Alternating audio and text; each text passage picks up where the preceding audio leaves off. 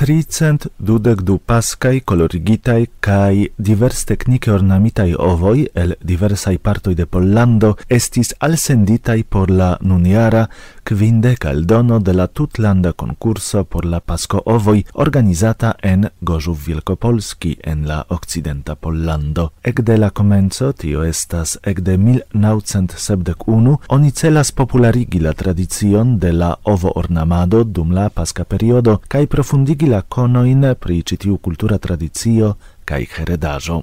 La concurso en Gorzów Wielkopolski estas unu el la plej malnovaj ĉispecaj konkursoj en Pollando kaj plej verŝajne ankaŭ en Eŭropo. Adresita al profesiuloj kaj al amatoroj, ĝi postulas la aplikon dum la ornamado de tradiciaj metodoj.